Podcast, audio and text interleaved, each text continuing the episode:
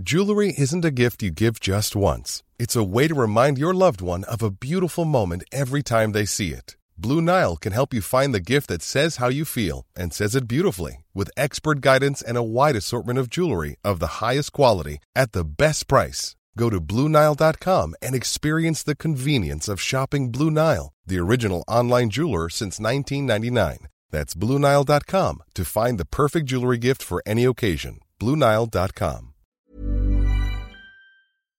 alle gagner av at du er uthvilt på jobb. Du er mer kreativ, du er mer emosjonelt stabil. Du har bedre hukommelse, du er mer eh, produktiv. Det er veldig mye bra som skjer når du får nok søvn.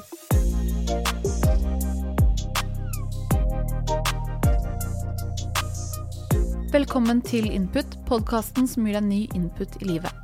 Vi er Juni og Herman, og i denne episoden av Input så ønsker vi å finne ut mer om søvn og hva det gjør med oss. For hva skjer om vi får for lite søvn? Er behovet det samme for alle? Er A- og B-mennesker en reell ting? Finnes det noen søvnhacks for å øke søvnkvaliteten og sove færre timer? Ja, hvordan kan vi egentlig få bedre vaner i senga? Det er med andre ord mange spørsmål rundt denne tematikken som vi veldig gjerne skulle hatt svar på. Ja, for i en travel hverdag så er det fort gjort å nedprioritere søvn til fordel for f.eks. jobb, egentid og kanskje det aller mest unødvendige serietid. Mange kjenner seg igjen i lakenskrekken som kommer krypende når vi gjerne skulle hatt litt mer ut av dagen. Hvorfor er det så vanskelig for mange å prioritere søvn? Et menneske sover jo i snitt en tredjedel av livet. Er det ikke da lurt at noe som er så viktig for vår eksistens, faktisk settes høyt i livene våre? Jeg føler meg i hvert fall veldig opplagt i dag. Det er dritdeilig. Hva med deg, Jenny? Nei, Som vanlig så klarte jeg jo ikke å legge meg til nok i går. Og jeg har jo med årene innsett, eller tror i hvert fall at jeg er et B-menneske som veldig gjerne skulle hatt, ha vært et A. da. Eh, Jeg kommer liksom aldri i seng, men stort sett så må jeg tidlig opp. Og jeg vil heller ikke sove bort dagen når jeg først kan. Så helt ærlig så kjenner jeg på liksom et søvnunderskudd som kommer sånn krypende innpå meg her jeg sitter da. Eh, Og ja, nei. Men du, jo, du har jo stemplet deg selv som et B-menneske, ikke sant? Altså, jeg vet ikke egentlig hva jeg er. Eh, jeg elsker jo som de fleste å sove, eh, men så føler jeg at det går mye på hvilken rutine jeg setter for meg selv. Jeg liker å stå opp tidlig om morgenen når jeg legger meg tidlig. Og clouet her er jo i bunn og grunn at man får nok søvn for å føle seg opplagt. Men hva tror du skjer om man får for lite søvn? Nei, først og fremst så tror jeg det har veldig mye å si for den psykiske og den fysiske helsen. Fordi dagen starter jo på en måte med et dårligere utgangspunkt når man våkner med for få timer på øyet. Og så Det vil jo da gå ut ved både liksom prestasjon, men også velvære. altså Hvordan man føler seg i kroppen eh, når man har for få timer. Det tror jeg alle kan kjenne seg veldig igjen i. da. Jeg gleder meg i hvert fall veldig til å finne ut mer om dette og lære mer om alle disse tingene som vi ønsker at vi visste, men som vi likevel ikke vet. Vi er klare for å dykke ned i søvnen med en som er parat til å lære oss mer om temaet. Dagens gjest er en dame som har bedre peiling på hva som foregår inni oss enn de fleste. Ikke bare er hun utdannet lege med spesialisering innen hudsykdommer, hun driver også podkasten Leger om livet. Hun er svært engasjert i det å formidle kunnskap om hvordan man kan få et godt liv til tross for de utfordringene vi alle møter på. Med mål om å gjøre forskningsbasert nyttig kunnskap om helse og kropp lett tilgjengelig for alle, er målet allerede nådd i aller høyeste grad. Leger om livet den ligger nemlig høyt oppe på listen over landets mest lyttede podkaster, kun ett og et halvt år etter lansering. I dag så er hun her for å lære oss mer om søvn, og hvordan den kan få en bedre plass i livene våre. Det er veldig hyggelig å kunne ønske deg velkommen til Input, Anette Dragland. Tusen takk, dere. Så hyggelig at dere inviterte meg. Veldig hyggelig å ha deg her. Jeg kan jo starte med å spørre, har du sovet godt, Anette, i dag? Eh, ja, jeg pleier å sove veldig godt, men de siste par ukene har vært så hektisk at selv jeg som vet hvor viktig det er med søvn, har nedprioritert det i en liten periode. Men eh, jeg har alle triksene i ermet, så eh, i natt skal jeg få sove godt. Ja, det er godt. Vi, vi tenker jo at eh, en som er så bevisst til dette med søvn som deg, må jo liksom Ja, du sier du, du vet heksene, du vet hvordan du kommer deg godt inn i søvnen forhåpentligvis når du trenger det, og hva som kreves for å hvile deg tilbake til form igjen. Men det er jo dette med nedprioriteringer allikevel, da. Mm. Det skjer at vi må nedprioritere, ikke sant? Ja, og det er det som er litt fascinerende her. For at sant, vi nedprioriterer jo ikke å spise. Vi nedprioriterer ikke å ta vare på barna våre eller eh, gjøre basale ting som å studere eller eh, gå på jobb. Men søvn er en av de få tingene vi faktisk velger bevisst å nedprioritere, selv om vi vet at det er så viktig for vår mentale og fysiske helse. Og det syns jeg er spennende og ganske tragisk når vi vet hva det gjør med kroppen vår. Så når jeg sier at jeg nedprioriterer den, så går ikke jeg ned til fire timer om natta, som mange gjør. For det vet jeg at da er min dag eh, neste dag, bare ved å vite det da vet jeg at det er så mye som skjer med min kropp at det, den risikoen tar jeg ikke. Men eh, det er absolutt eh, viktig å snakke om, sånn at man klarer å prioritere det. Fordi når man ikke vet hvor viktig det er, så er det veldig lett å bare sette på én ekstra eh, sesong av et eller annet på Netflix. Kjenner oss igjen i det, tror jeg. Veldig.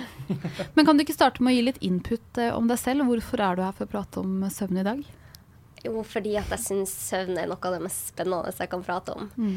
Min søvnbevissthet eh, starta vel kanskje for sånn ca. ti år siden.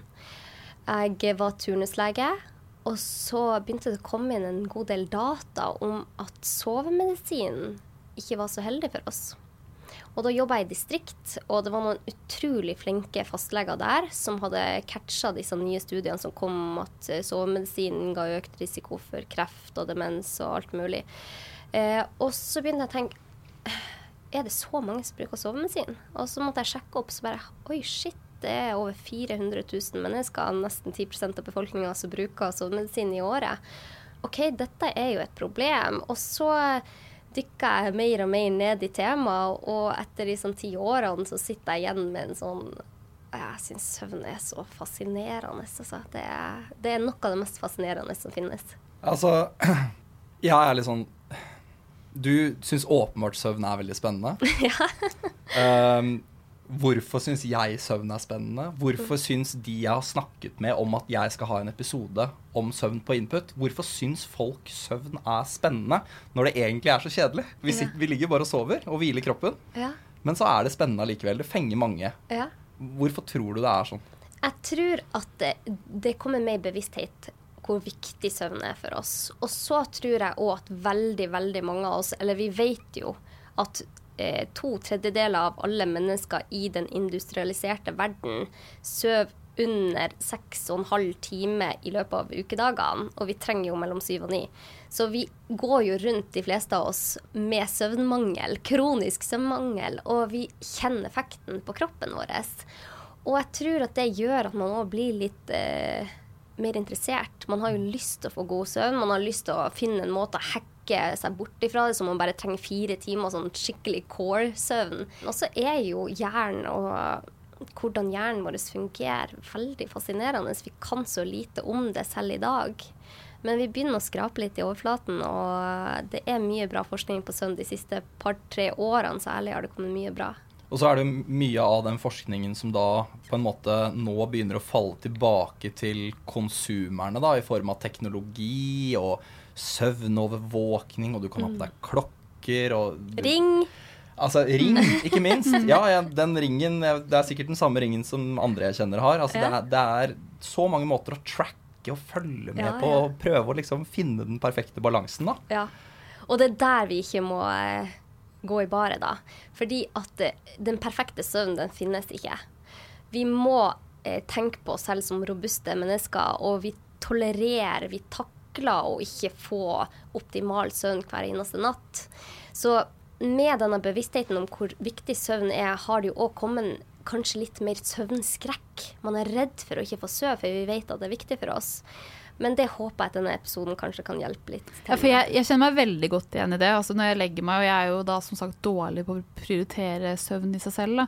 Men når jeg skal legge meg, så er det liksom jeg må være bevisst på å ikke se på, telefon, eller se på klokka. fordi hvis jeg idet jeg legger meg på hodeputa har sett på klokka at shit, det er akkurat syv timer til jeg skal stå opp, da, for eksempel, så skaper det stress Ja, som man ja, ja. ikke får lagt fra seg, og da sover man også dårligere eller sliter med å sovne.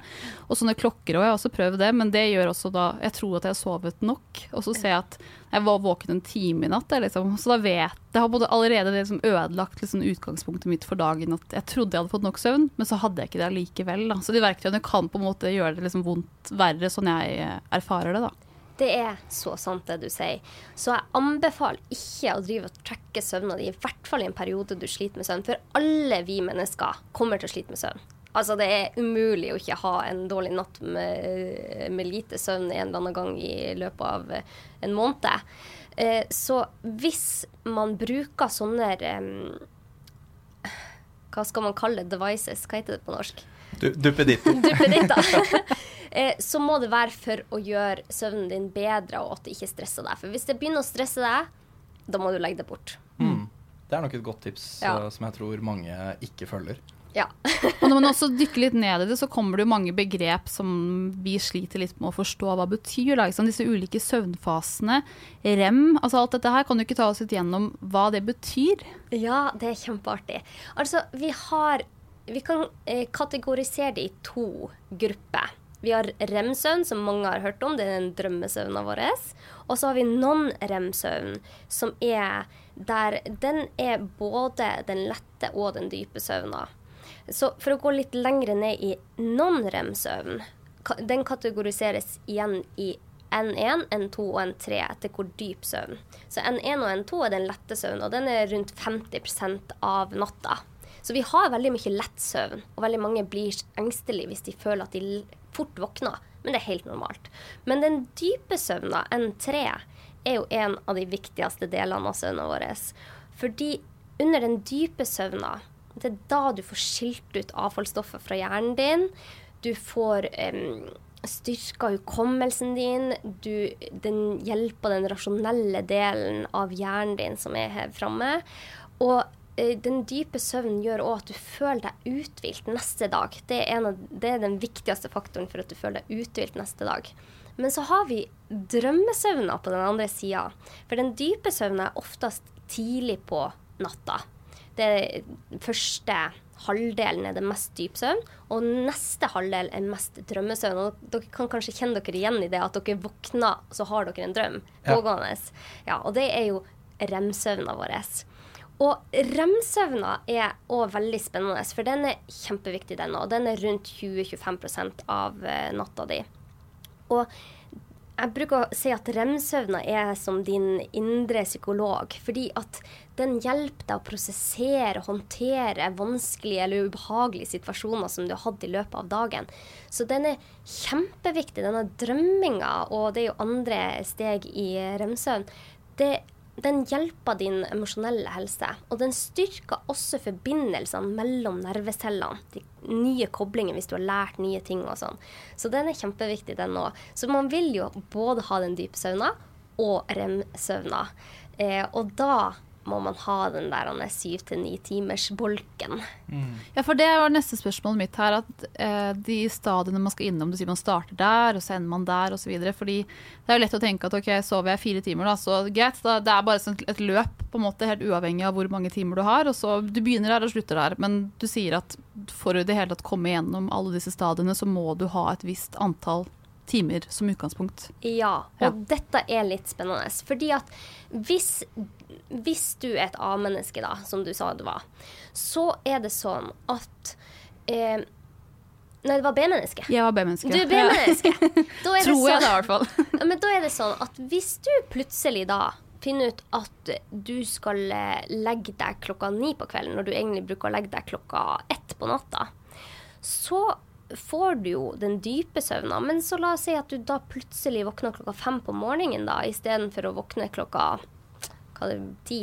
ti er kanskje en B-menneskets perfekte tid å stå opp, eh, så har du plutselig gått glipp av den kjempeviktige remdelen av søvnen din. For at hjernen din har jo trodd at han skulle jo sove ut til klokka ti, så han har en god tid til å få den remsøvnen. Så du får ikke all den remsøvnen som du trenger. Og motsatt, la oss si at han Herman var et A-menneske, og plutselig la seg klokka tolv, så gikk kan du gå glipp av ganske mye av den dype søvnen. Skille ut stoffene fra hjernen. Og, så det er viktig å ha en fast døgnrytme. Og det er det kjedeligste tipset man får, men det er kjempeviktig. Fordi da er det altså sånn at kroppen og hjernen snakker sammen på en måte, eller det er vel kanskje bare hjernen vi snakker om her. Mm. Eh, men den, den, er så rutinebasert at den vet omtrent når den dype søvnen skal begynne, hvis du har en rutine. Og hvis ja. du går utenfor den rutinen, så mister du plutselig kanskje deler av den mm. første delen av søvnen, f.eks. Ja. Eller du dras for tidlig ut av søvnen og mister den siste delen av søvnen. Ja, dessverre. Det er jo helt vanvittig. det, er helt, det, er jo helt, merkelig. Ja, ja, det er veldig merkelig. Så kommer, da kommer man jo inn på dette med døgnrytmen vår, ikke sant. Fordi at vi har alle en forskjellig døgnrytme jeg og du, Herman, har kanskje en helt forskjellig Kanskje din eh, metabolske rate, altså stoffskifte, når du skal spise, når det er best for deg å trene, når urinproduksjonen din er, hormonutskillelsen Det kan være veldig forskjellig hos meg og deg, med mange timer. Eh, og da er det egentlig viktig å tilpasse søvn etter hvordan din døgnrytme er. Men man kan endre litt hvis man er en veldig eh, markant B-person og har en jobb der du må stå opp klokka seks, så kan kroppen klare å lære seg til å skille ut disse stoffene før, og man, med, man går mot et A-menneske, men man kan aldri endre sin genetiske skjebne. Du kan aldri bli et A-menneske. For, for, det der er det jeg liksom har lyst til å komme til bunns i. da, fordi jeg må jo opp tidlig, altså sånn gjerne syv, ikke sant. Mm. Um, men jeg kjenner på at det er akkurat som den indre klokken min er helt sånn sykt treig. da. Altså sånn På kveldstid så er jeg sånn OK, men nå nå må jeg snart gå og legge meg. Men så, så liksom, jeg har ikke noe tidsperspektiv, da, eh, mm. virker det som. Fordi akkurat som kroppen liksom bare vil på en måte holde ut til, liksom, til det er sent. Og jeg har liksom aldri helt Jeg vil veldig gjerne være en som går og legger meg klokka ti, men hvis jeg gjør det, så det, jo, det føles helt merkelig, for jeg føler meg jo ikke liksom trøtt og inni det i det hele tatt. Da. Men det kan vaner være liksom mye av nøkkelen der, selv om du sier at man har ulike utgangspunkt, eller ja. er det ja. Ja, vaner kan hjelpe deg, men din genetikk er lagt opp sannsynligvis som et B-menneske. Så det man ser, er jo at B-mennesker i denne verden eh, Nå kan jeg bare fortelle at det er sånn ca. 40% av alle menneskene er A-mennesker. 30 er B-mennesker, og 30% er noe midt imellom der. Og man ser på studier og statistikk, så viser det seg det at B-mennesker kronisk, eh, har kronisk søvnmangel. Fordi at samfunnet er tilrettelagt for A-menneskene. Det, det, er så fint at uh, du Anette, er så kunnskapsrik, for du sitter og svarer på spørsmålene før vi rekker å stille deg. Fordi altså, jeg, hadde tenkt, jeg hadde tenkt å spørre liksom, finnes A- og B-mennesker, men det ja. har du allerede sagt. Ja, det finnes så absolutt. Så ja.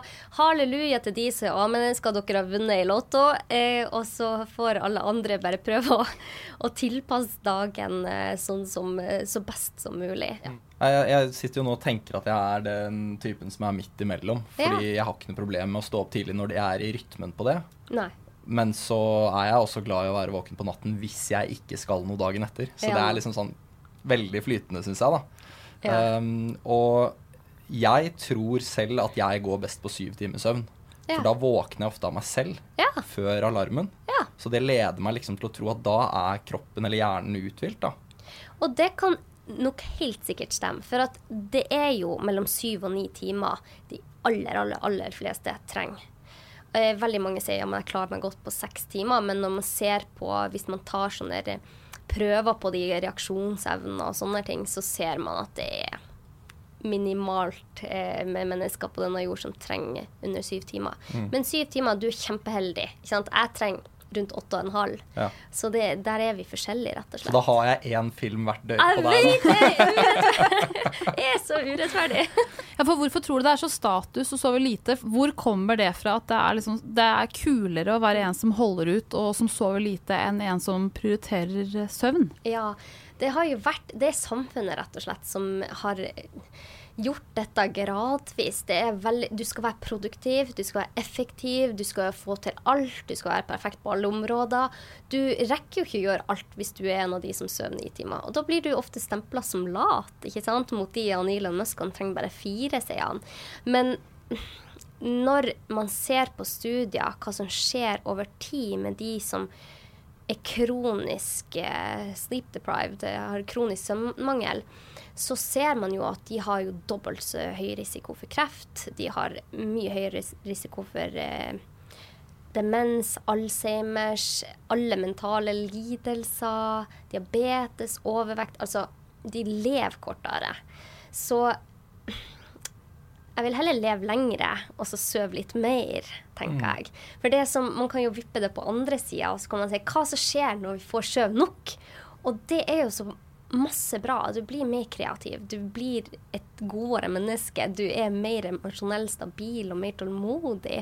Du har mindre risiko for nesten alle typer sykdommer. Kreft, demens, eh, diabetes, eh, autoimmune lidelser. Altså det er linka til så vanvittig mye. Og du lever lenger. Mm. Så det å, å sove nok, det er så viktig. Men så er det jo, kommer vi til det der Ja, men jeg får jo ikke sove nok. Jeg har ikke tid til å sove nok, eller jeg får ikke til. Jeg våkner midt på natta, jeg får ikke sove igjen. Det er veldig mye vi kan gjøre for å, å få tilbake den gode søvnen, altså. Fordi, altså det du, inn, det du, kom inn på her nå til slutt, det er jo et spørsmål om prioriteringer i stor grad. Ja. Og så vet jeg at det er noen som sliter med søvn. Mm. Det skal vi kanskje komme litt tilbake til senere. Hva, kan, hva, man kan gjøre da for å hjelpes inn i søvnen. Mm. Men det høres ut som man bør prioritere søvn. Mm. Det er jo det det høres ut som for meg, i hvert fall. Mm. På det du sier nå. For jeg mm. har ikke lyst på de sykdommene du nevnte. Jeg har lyst til å leve et lengre liv. Og da er det rett og slett én ting å gjøre, og det er å sørge for at man får rikelig med søvn tilstrekkelig med søvn. Ja, og så er vi jo veldig korttids... Eh, vi tenker jo bare på i morgen, egentlig. Så det at det er der ute at jeg får demens om 30 år, det gidder jeg ikke tenke på, mange av oss. Men når du vet at neste dag så eh, En studie som er veldig eh, spennende, var at de tok menn og så lot de bare få sove fem timer hver natt i fem dager. Og så så de på testosteronnivået deres, og det bare droppa med ja. en gang. Det, de fikk et testosteronnivå på en som var 10-15 år eldre enn seg. Bare på fem dager. Mm. Så det, det, er umiddelbare endringer òg som skjer med å sove for lite eller få sove nok. Og man vil jo være kreativ. Man vil jo ha god hukommelse. Man vil jo være et godt medmenneske. Så gi deg selv den der søvna. Helt klart. For det er et annet som er spennende med det, er jo at uh, underskudd på søvn er også en sånn kjent torturmetode. Og det er vel nettopp det det ligger noe i her, at for lite søvn over tid Altså hva, hva gjør det med oss? En ting er fremtidige sykdommer osv., men hvilke andre innvirkninger har det på, på oss, på hjernen vår, på funksjonen vår generelt? Ja, jeg var jo inne på mange av de nå. Men det, det, som er litt spennende, det du sa om at det er en torturmetode, det er jo Før i tida så hadde vi jo eh, i Guinness rekordbok så sto det jo hvem som klarte å sove minst. Den har de fjerna, fordi at det å sove så lite er så helsefarlig at du kan dø av det. Og en, eh, et eksempel som jeg nettopp leste om, var veldig spennende. Det er en fyr som heter Peter Tripp i USA, og han var en DJ på 50-tallet i New York. Eller diskjockey, som de kalte det på den tida. Veldig populær. Hadde kjempekarriere. Var godt kjent i hele USA. Han fant ut at han skulle se om han kunne slå Guinness rekord i antall dager uten søvn. Og han sto vel i et glassbur midt i New York og eh, gjorde dette forsøket. Og det som skjedde, var at etter tre-fire dager begynte han å hallusinere. Femte dagen holdt han nesten ikke ut mer, så legene som sto der attmed, ga han medisin så han ikke fikk sove mer. Så han, fikk, han, klarte å slå rekorden. 201 timer uten søvn. Åtte dager, altså. Eh, gikk og la seg, sov i 24 timer rundt. Våkna opp, bestilte seg eh, frokost på hotellet aviser, alle rundt og media rundt tenkte at dette gikk jo bra, herregud, det gjør jo ingenting å ikke få sove. Han endra totalt personlighet, og den personligheten han hadde før, den kom aldri tilbake. Og dette er etter åtte dager? Mm. Total personlighetsforandring på et eh, søvneksperiment på åtte dager. Det er Mm. ganske dramatisk for eh, et, resten av et liv, da. Ja, for En annen ting rundt søvn er jo at mange snur jo også døgnet. altså jevnlig. En ting er hvis du på en måte er oppe sent, men du faller til søvn osv. Men for noen så på en måte vris dette helt om, og også gjerne i forbindelse med psykisk sykdom osv. At Mm. man begynner å sove på dagtid Mm. oppe på nattestid. Hvor man kanskje i utgangspunktet får den søvnen man skal. Men eh, har du noe med konsekvensene på en måte av denne, dette skiftet allikevel? At søvn skjer på dagtid og man er våken på nattestid? Altså Er det noen studier du har sett på det? Mm. Det, det er ikke veldig bra. Fordi at når du skifter døgnet ditt på den måten, så for det første så er det veldig liten sannsynlighet for at det er din naturlige døgnrytme. Så alt andre, alle andre funksjoner i kroppen din blir tulla med. ikke sant? Eh, fordøyelsen din, hormonutskillelsen. Alt blir litt på en snurr her. Og for det andre så er det sånn at vi mennesker vi har en indre klokke som skal være 24 timer, men for de fleste er den litt raskere. Så kanskje jeg har en klokke som er 25 timer, og du har en som er 24,5. Og det som skjer da, er at du trenger å få noe som heter sightgabers, som nullstiller 24-timersklokka di hver eneste dag. Og en sightgeber, det er tysk for tidgiver, det er disse eh, funksjonene som gjør at du klarer å nullstille 24-timersklokka. Og den aller, aller viktigste er sollys. Og selv om du går ut og det er en regntung dag, så vil den eh, lille, det lille du får gjennom skyene, være nok i løpet av 15 minutter til å nullstille klokka di. Det er din Zeit Geba. Det er din sidegiver. så det vil du ikke få hvis du sover på dagen. ikke sant? Da, blir du jo helt, da får du jo aldri nullstilt det. Det var jo to gutter som faktisk gjorde det der. De for ut i en grotte og bodde der, jeg tror det var 30 dager lenge siden jeg leste det her. Men de ble jo helt på en snurr. Han ene han snudde jo helt døgnrytmen. De skulle bare legge seg og spise og stå opp når de ville, da. Når de følte det var naturlig. Og da så man at det skjedde store endringer med de. Nei, for det er jo veldig spennende det med hva søvn gjør med den psykiske helsen vår. Man snakker også i forhold til psykoser og lignende. At det er også en veldig sånn stor sammenheng eh, der. Jeg vet ikke når du snakket i sted om han som da hallusinerte f.eks. etter eh, for mye søvnmangel. Er det, kan det være en type sammenheng her også? Altså I den virkelighetsoppfatningen, rett og slett? Ja, man ser jo at søvnmangel kan føre til veldig mange psykiske lidelser. Så det er klart det er en stor sammenheng der. Og så er det jo sånn at de som får psykiske lidelser, ofte får søvnmangel. Så hva som kommer først, høna eller egget her. Men det som er kjempeviktig, er at hvis man sliter med depresjon, angst, alle mentale lidelser, at man får hjelp til å få god søvn, er kjempeessensielt. Og jeg tenker at det er kanskje en av de beste medisinene vi har på de fleste sykdommer. Søvn. Det er gratis, det er uten bivirkninger, og det er helt naturlig for oss. Mm. Mom deserves the best, and there's no better place to shop for Mother's Day than Whole Foods Market. They're your destination for unbeatable savings, from premium gifts to show-stopping flowers and irresistible desserts. Start by saving 33% with Prime on all body care and candles. Then get a 15-stem bunch of tulips for just $9.99 each with Prime. Round out Mom's menu with festive rosé, irresistible berry chantilly cake, and more special treats. Come celebrate Mother's Day at Whole Foods Market.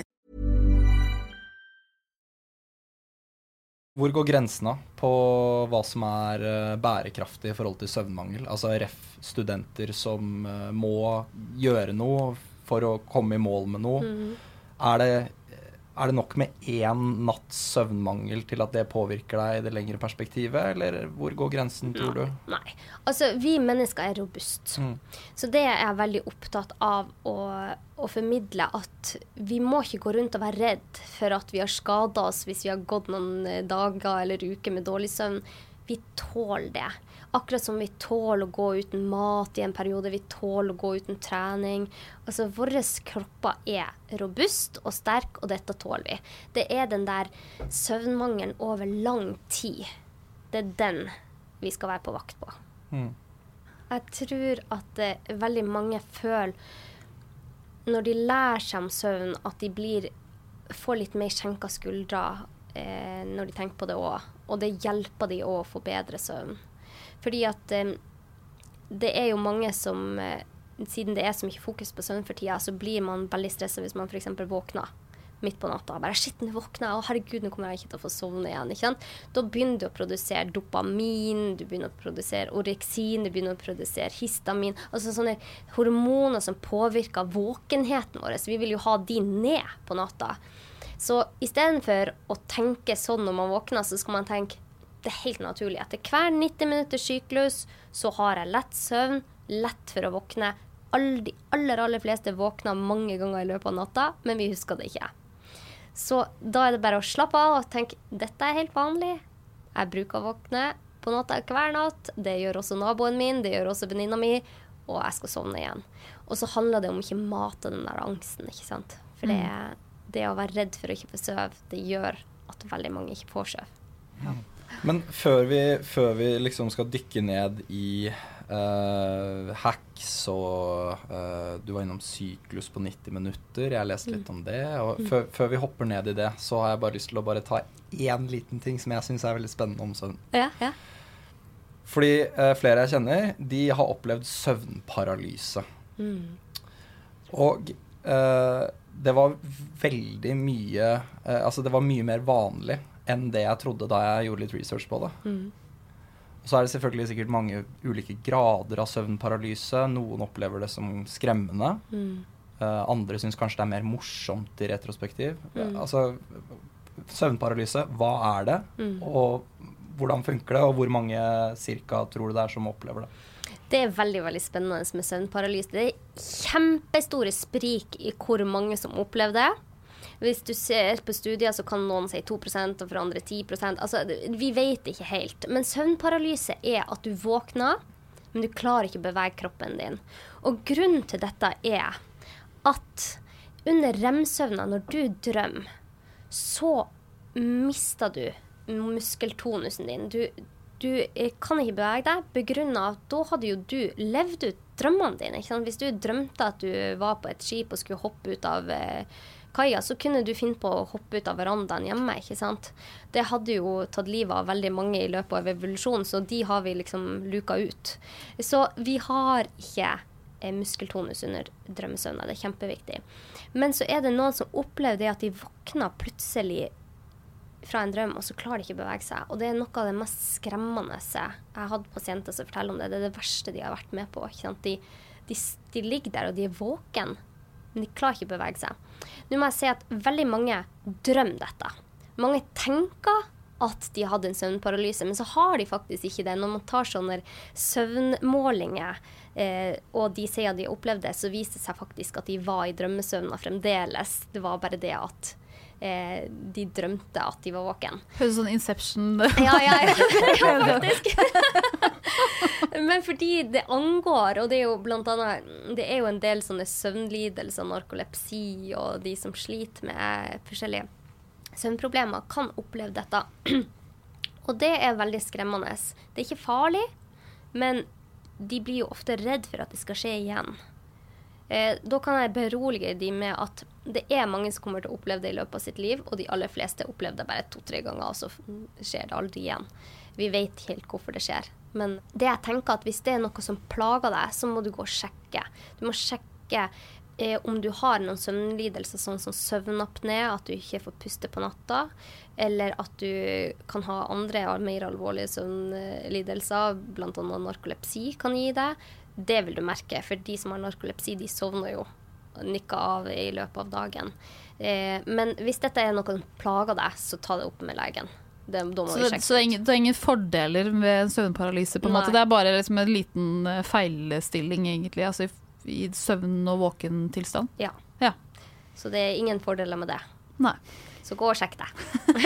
og grunnen til at jeg tok det opp, er fordi det er veldig mange som opplever det. Ja, Og da tenker jeg ja, Har de opplevd det under uh, at de har uh, drukket alkohol eller røykt hasj? Hvis dette er en trigger for det, så må de kutte det som trigger det. Så det oppfordrer jeg de. Hvis dette er en vanlig under en bestemt omstendighet, og det vet de selv, så må de prøve å kutte den faktoren mm. som gjør at de blir plaga av det. Ja, Nå mistenker jeg jo litt at du kommer til å være mot dette her, da. Men finnes det noen søvnhacks? Altså måter som vi kan trene søvnen til å liksom sove mindre, men også sove godt? Altså, mm. Finnes det, eller er det noe du helt tatt eh, kommer til å dele med oss, om det fins? altså, det finnes måter å få dypere søvn på. Og det er jo viktig. Og det er å rett og slett ta bort de tingene som gir deg mindre dårlig søvn. For at din hjerne er laga for å ha perfekt søvn. For akkurat deg. Hjernen vår er så fantastisk laga at den klarer å produsere god søvn for deg hvis du tilrettelegger for det. Men da må vi tilrettelegge.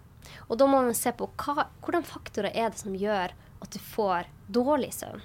For at vi må jo tenke at standarden er at den skal være god. Så hva er det som gjør at du får dårlig søvn? Og det er jo veldig forskjellig for oss alle. Men det er noen mønster som går igjen nå for tida. Og det er det at man ikke går ut og får ikke dagslys. Du får ikke nullstilt 24-timersklokka di. Det er så viktig, og det er så enkelt. 15-20 minutter, bare gå deg en tur. Helst før klokka 12, så får du nullstilt 24-timersklokka di. Det kan jo føre til at du får eh, dårlig søvn, men det at du gjør sånn som naturen ga deg, vi var jo alle ute i dagslys før, så kan det, bare det lille der, reparere så mye av søvna di. Du kan få dypere søvn, du kan sovne lettere, alt det her. Og så er det en annen ting, og det er at vi lever i et veldig stressende samfunn. Før i tida så hadde vi masse stress. Vi måtte jakte dyr, vi måtte passe på barna fra rovdyrene. og Det var mye stress, men de kom i bølger og daler. Nå er det sånn at vi har et sånn konstant stress. Hver dag er det så og så mange ting på lista vår, så vi bør få de unna. Og stresset går ofte over i helgen, for vi har ikke rukket å gjort det vi skal gjøre i løpet av eh, uka.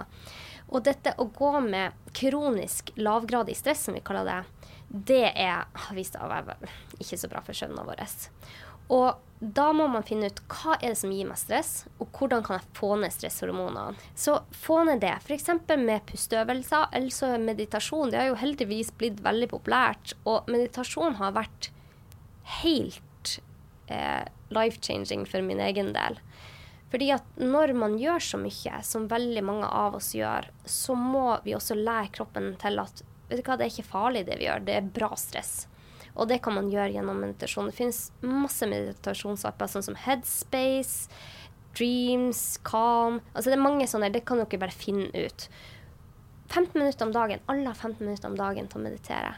Og det er ikke vanskelig. Du bare setter deg på gulvet beina i kryss hvis du vil det, eller du kan sette deg på en stol, og så bare kjenner du etter pusten, eller kjenner etter hvordan du har det i kroppen.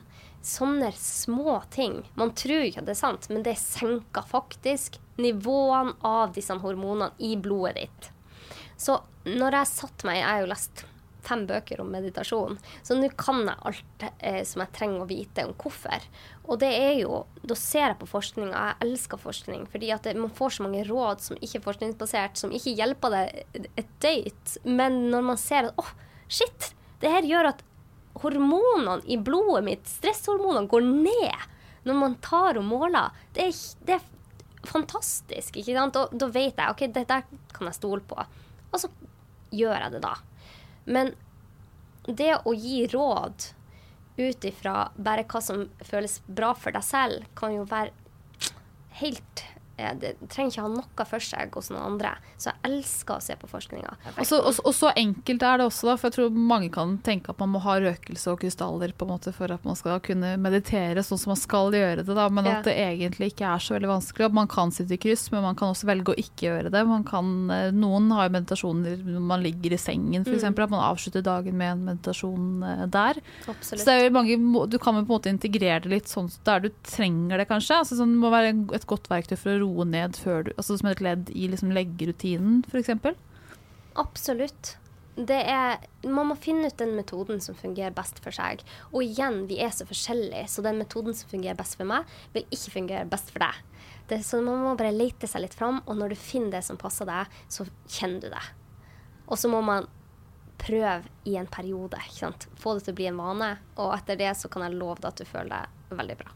Hvor lang tid bør man eh, gi seg selv da, hvis man skal integrere vaner som dette her? Hvor tålmodig må man være før man ser To-tre uker, pleier jeg å si. Jeg er også veldig tilhenger av studier. Jeg mm. tenker at eh, Det som eh, kan bevises med statistikk, ja. Det er bevis nok for meg. i hvert Jeg vet det, og det er, det er forska lenge og godt Ja, på. Det er veldig spennende. Veldig spennende. Bra, veldig, det her er jo noe helt konkret og veldig bra, tror jeg. Fordi jeg er ikke kjent med det. Jeg tror det er nytt for mange, fordi man tenker kanskje ikke på at dette er noe som forbedrer søvnen, med mindre man gjør et dypdykk selv i eh, studier og materier. Da. Mm. Så det er et veldig bra tips som jeg tror eh, folk virkelig kan ta nytte av. Mm. Helt klart. Er det noen andre konkrete tips altså sånn helt eh, avslutningsvis her? Altså Din beste input for å komme inn i en god søvnrutine og forbedre vanene våre rundt søvn. Altså Har du noen konkrete, konkrete ting man kan gjøre da? Ja, åh, jeg har så mange ting jeg har lyst til å Du å har si. den verktøykassen din, ikke Ja, sant? jeg har, jeg har en sånn stor verktøykasse. Men eh, nå har jeg vært inne på det med å ha en normal døgnrytme og faktisk eh, prøve å legge seg og stå opp til samme tid. Det er, det kjem, det er kjempeviktig. Og så få 15-20 minutters dagslys hver dag. Få ned stresshormoner i løpet av dagen. Det kan du ved, søvn, ved meditasjon og pusteøvelser, annet. Og så er det en siste ting jeg vil si, som er kjempeviktig, og som er veldig relevant nå, og som jeg tror gjør at altfor mange sliter med å sovne. Og det er dette blå LED-lyset som vi hele tida blir eh, påvirka av. Ikke bare i løpet av dagen, men særlig på kvelden. For det er særlig på kvelden vi scroller på mobilen, det er særlig på kvelden vi sitter på iPaden eller eh, dataen. Og dette blå lyset, det påvirker hormonene i kroppen. Og det senker Det gjør at melatonin, som er et søvnhormon, som mange av oss eh, vet hva er, det blir sluppen ut seinere. Opptil én til to timer seinere hvis du sitter på iPad to timer før nei, i to timer da, før du skal legge deg. Eh, Så det er mange studier som viser effekten av dette blå lyset. Og sånne enkle tips du kan gjøre, er at du har night shift mode på mobilen og på dataen og alle gadgets du har rundt omkring, sånn at det blir mer av det røde lyset, for det er det blå lyset som er ille. Men jeg anbefaler å kutte alt av elektronikk en time før du skal legge deg. For det, du vil legge til rette for at melatonin skal flushe gjennom hjernen din og gjøre deg trøtt. ikke sant? Du vil få ned stresshormonene, og det klarer du ikke med en, eh, å scrolle på Instagram. Det, det, du blir ikke rolig av det selv om du føler at det gir deg ro. Så det er det å unngå disse, dette lyset på kveldene, sånn som vi gjør hjemme hos oss. Vi går rundt i tussmørket de siste to timene. Skrur ned alt av eh, hva det heter, sånne lys i taket. Og eh, bare får ned lyset sånn at kroppen vår skal skjønne at OK, om to timer så skal jeg begynne å tenke på søvn. Men Ser dere på TV eksempel, på kvelden, da? Ja, det gjør vi. Ja. Eh, Jeg og min kjære Henrik, vi er jo litt nerder da. Så hvis vi ser på noe rett før vi legger oss, så vi kjøpte oss sånn LED-blokkbriller. Dere er noen av de, ja. ja. Men det er jo, jeg, jeg ser jo at det har begynt å ta seg veldig opp nå. Det har tatt seg veldig opp. Og så er det mange leger som sier at ah, det er altfor lite studier, det er altfor Ja. lite som viser at det virker. Helt enig, det er masse studier som viser at det ikke er så effektivt. Men det er begynt å komme eh, noen ganske spennende studier, bl.a. en norsk studie nå som jeg nettopp så var kommet ut, der de tok på disse eh, De er oransje, de brillene. Oransje briller på gravide. Og så sjekka de i spyttet, tror jeg det var. Eller var det i blodet? Jeg husker ikke. Men de sjekka i hvert fall hormonene deres, så så de at de fikk klart mer melatoninutskillelse når de hadde på seg disse eh, oransje brillene på kvelden. Så det begynner å komme studier som eh, støtter det. Og jeg tenker at alle må få lov å prøve det selv. Hvis du tenker at nei, det der tror jeg ikke på, la være å kjøpe de. Hvis du tror på det, at det kan hjelpe søvna di, så prøv det. Og så har det man tror på, og en ekstra placebovirkning, som jeg elsker å ta i bruk. Så når jeg tar de på meg, så tenker jeg at dette gir meg så god søvn. Men i hvert fall så er det Veldig mange ligger jo med TV-en på i soverommet. Å, herregud! Fordi, ja, men, og dette her, dette, her er, altså, dette her er så reelt du får det, og det vet du jo sikkert selv. Ja, ja. Men mange tror at det hjelper med å finne roen og komme inn i søvnen. Mm, mm, jeg vet. Jeg vet det. Og uh, jeg må bare få si til alle de som gjør det, for jeg vet at veldig mange av oss, uh, og særlig de som er uh, unge, det blir den trenden der 10% av alt lyset som eh, kommer fra skjermer og alt, går gjennom øyelokkene. Så selv om du har lukka øya, så kommer det gjennom, og det påvirker hjernen din i søvna. Ingen av studier har vist at det virker. Mange studier har vist at det virker mot sin hensikt. Men så er det òg en vane. Mange som sliter med søvn, de prøver å finne alle mulige metoder sånn at de kan få bedre søvn. Man blir litt desperat, og jeg kan kjenne meg igjen i det. Tenker at det, det virker for meg, jeg må prøve det.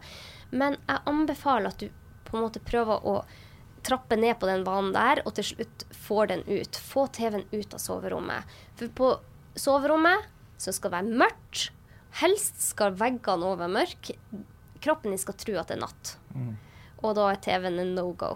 Ja, for det der, jeg har hørt det der, Man skal helst bare bruke sengen til å sove. på en måte, altså sånn, Og alt, er, sex. alt er relativt, ja. Men Ja. Uh, utover det så skal altså det med å henge der på dagtid, jobbe fra sengen, alt dette her. At man, for det kan jo være superdeilig Ja. å sitte på morgenen, kjenne meg selv, Mm. altså, du er en kaffe og sitte og jobbe litt på sengekanten på morgenen f.eks. Men bare der det der ikke har et tydelig skille på når du er liksom på, skal sove eller ut av søvnen, Mm. og annet eh, forefallende arbeid f.eks. Ja, for det handler om å bare condition hjernen din. Trene opp hjernen din til å tenke at når du går inn på soverommet, så er det sovetid. Men så må jeg jo si, jeg har annet en bror som bor på hybel. Altså han har eh, ett eneste rom, nei han har to rom. Bade, og så er det kjøkken, stue og soverom i ett. Og da er jo det veldig vanskelig. Selvfølgelig. Men det jeg prøver å si til i hvert fall min bror, da, som han uh, håper tar opp disse tipsene, er at han legger på senga, tar på et teppe over senga, så den ikke ligner din seng. Tar på puten, gjør det ordentlig så det ser ut som en sofa, ikke en seng. Sånn at du lærer opp seng, uh, hjernen din at når man tar av det, og du ser senga, da er det sovetid. Kun da er det lov å ligge og prøve å sove. Lage disse skillene, da, rett og slett. Ja. på sovesone og aktiv eh, sone. Ja. Ja. Jeg hadde ikke noe sånt uh, skille da jeg var student og levde alene i guttebule, og senga mi så jo faen ikke ut i perioder. og, altså, men, men Og hvis det- man bor hjemme også. Altså Hvis man er på gutterommet eller jenterommet ja, man bor hjemme. For all del, helt, helt klart. Men uh, poenget mitt var at uh, jeg kjenner veldig mye klarere at kroppen min fungerer annerledes, hjernen min fungerer helt annerledes når rutinen er blitt så mye bedre.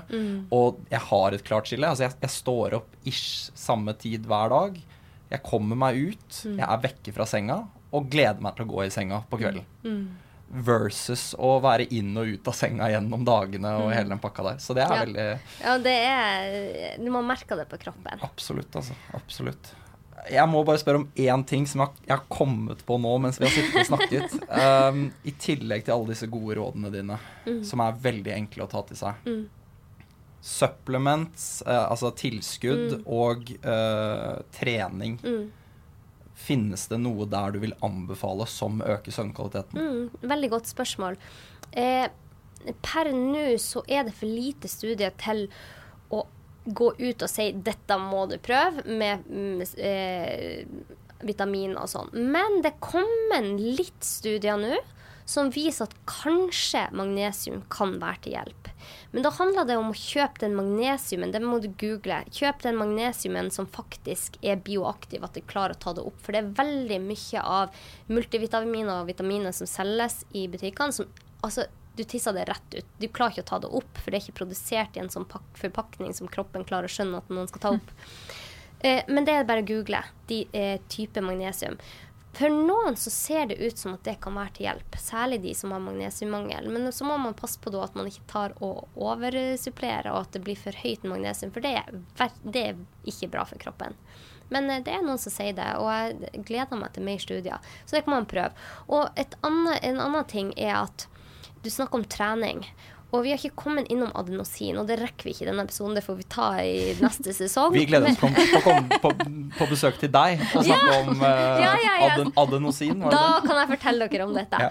Men eh, det som har vist seg, adenosin er viktig. Det er stoff som um, opphopes i hjernen utover dagen. Og det gjør at du blir søvnig. Så har det vist seg òg trening øker dette i hjernen din, sånn at du blir mer trøtt. Så det er ikke bare det at trening gjør kroppen din mer sliten. Du får faktisk mer av disse søvnhormonene. Så det å trene, men ikke to timer eh, etter to timer før du skal sove. Ja, Hvordan blir det? Ja, så du må ha to, skal i hvert fall ha to timer Ja. mellom trening og søvn. Ja, for det handler om at du ikke vil øke kroppstemperaturen din. For kroppstemperaturen skal senkes før du sovner. Men trene er gull for søvna di. Og hvis du sliter med søvn, så anbefaler jeg deg varmt. Egentlig for alle.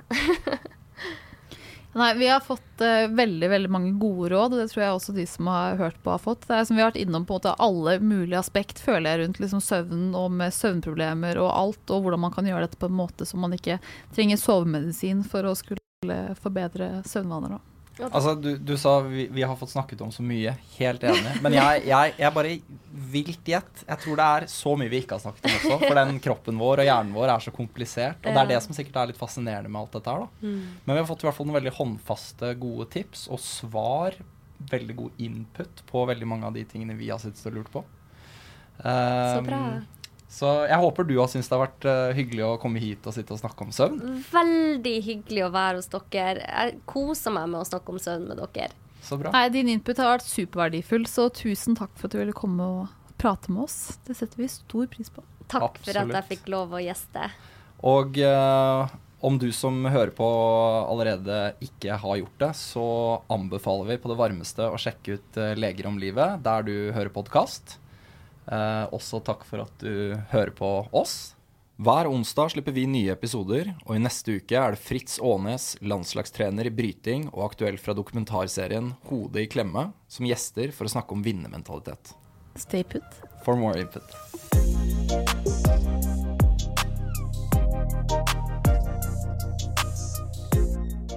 Eccentric people.